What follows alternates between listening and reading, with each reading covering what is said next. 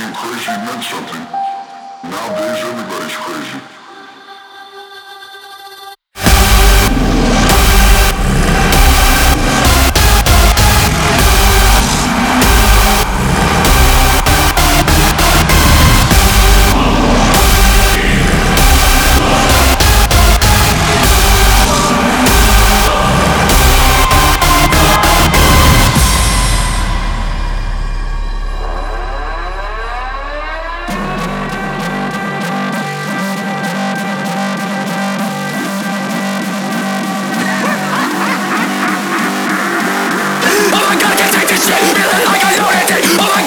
this shit.